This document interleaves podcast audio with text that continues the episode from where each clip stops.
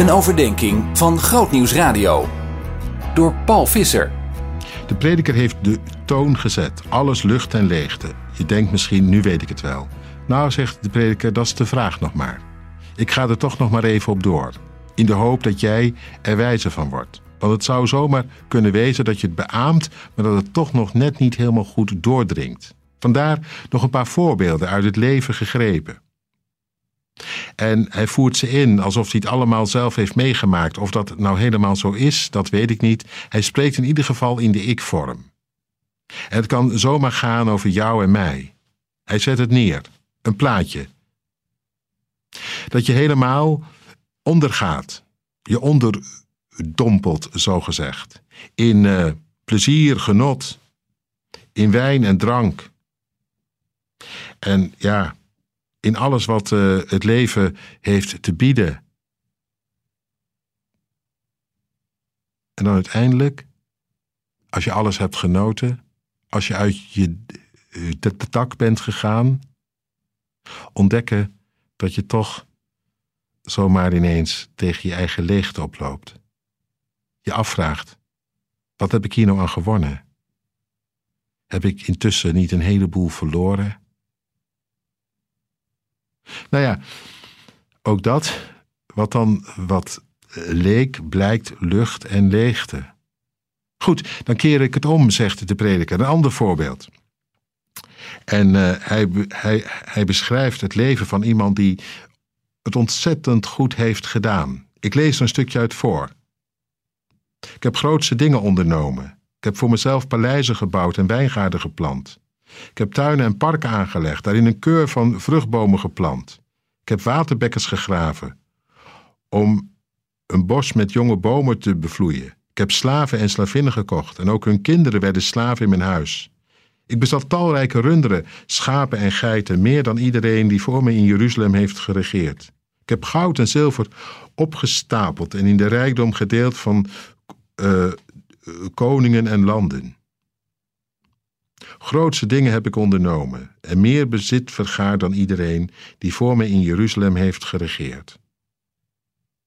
En bij alles wat ik voor mezelf verworven had, behield ik ook mijn wijsheid.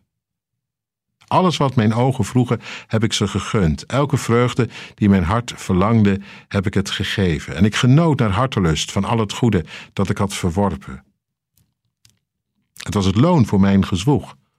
Maar toen nam ik alles wat ik ondernomen had nog eens in ogenschouw. Alles wat mijn moeizaam gezwoeg me opgeleverd had. En ik zag dat het allemaal maar lucht en najagen van wind was. Het had geen enkel nut onder de zon. Nou ja, zeg, ben je ervoor gegaan, ben je er geslaagd, zit je nog te klagen. Nou ja, of het echt klagen is, dat weet ik niet. Hij laat in ieder geval zien dat uh, hij er ook blij mee was met wat hij bereikte. En, en natuurlijk, dat kun je zijn. Als het lukt, en zoals het hier lukt, ongelooflijk. Alles wat hij uh, voor ogen had, dat heeft hij uh, verworven, staat er. Tuurlijk, het was soms uh, even doorzetten, maar intussen, kijk eens. Een paleis van een huis. Met een heel park eromheen. Wie heeft dat? Je zou nu denken, de man die kan zijn geluk niet op. En ergens is dat zo, maar tegelijk. Nee, toch niet. Ik nam het nog een keer in ogenschouw. En doe jij dat nou ook eens? Hoe geslaagd je ook bent, neem het nog eens in ogenschouw. Is dit het nu waarvoor je leeft, geleefd hebt? Op de een of andere manier, hoe groot ook, hoe geweldig ook, het blijft toch te klein om je hart te vullen, of niet? Gek is dat. Is dat niet de misère van ons bestaan? Dat zelfs het meest geslaagde leven toch onvervuld blijft? En herinnert ons dat niet aan de grandeur, de grandeur van ooit, dat we gemaakt zijn voor meer? Om gezien te worden door de hemel, kind aan huis te zijn bij God. Nee, dat is niet een vrome dooddoener. We kunnen er blijkbaar niet mee leven, met de spullen alleen we hebben het blijkbaar heel hard nodig om uh, te worden wat we ooit waren. zonen en dochters van God. Daar word je echt vrolijk van. Zien in nog een podcast? Luister naar Zorgen voor je ziel via grootnieuwsradio.nl/podcast.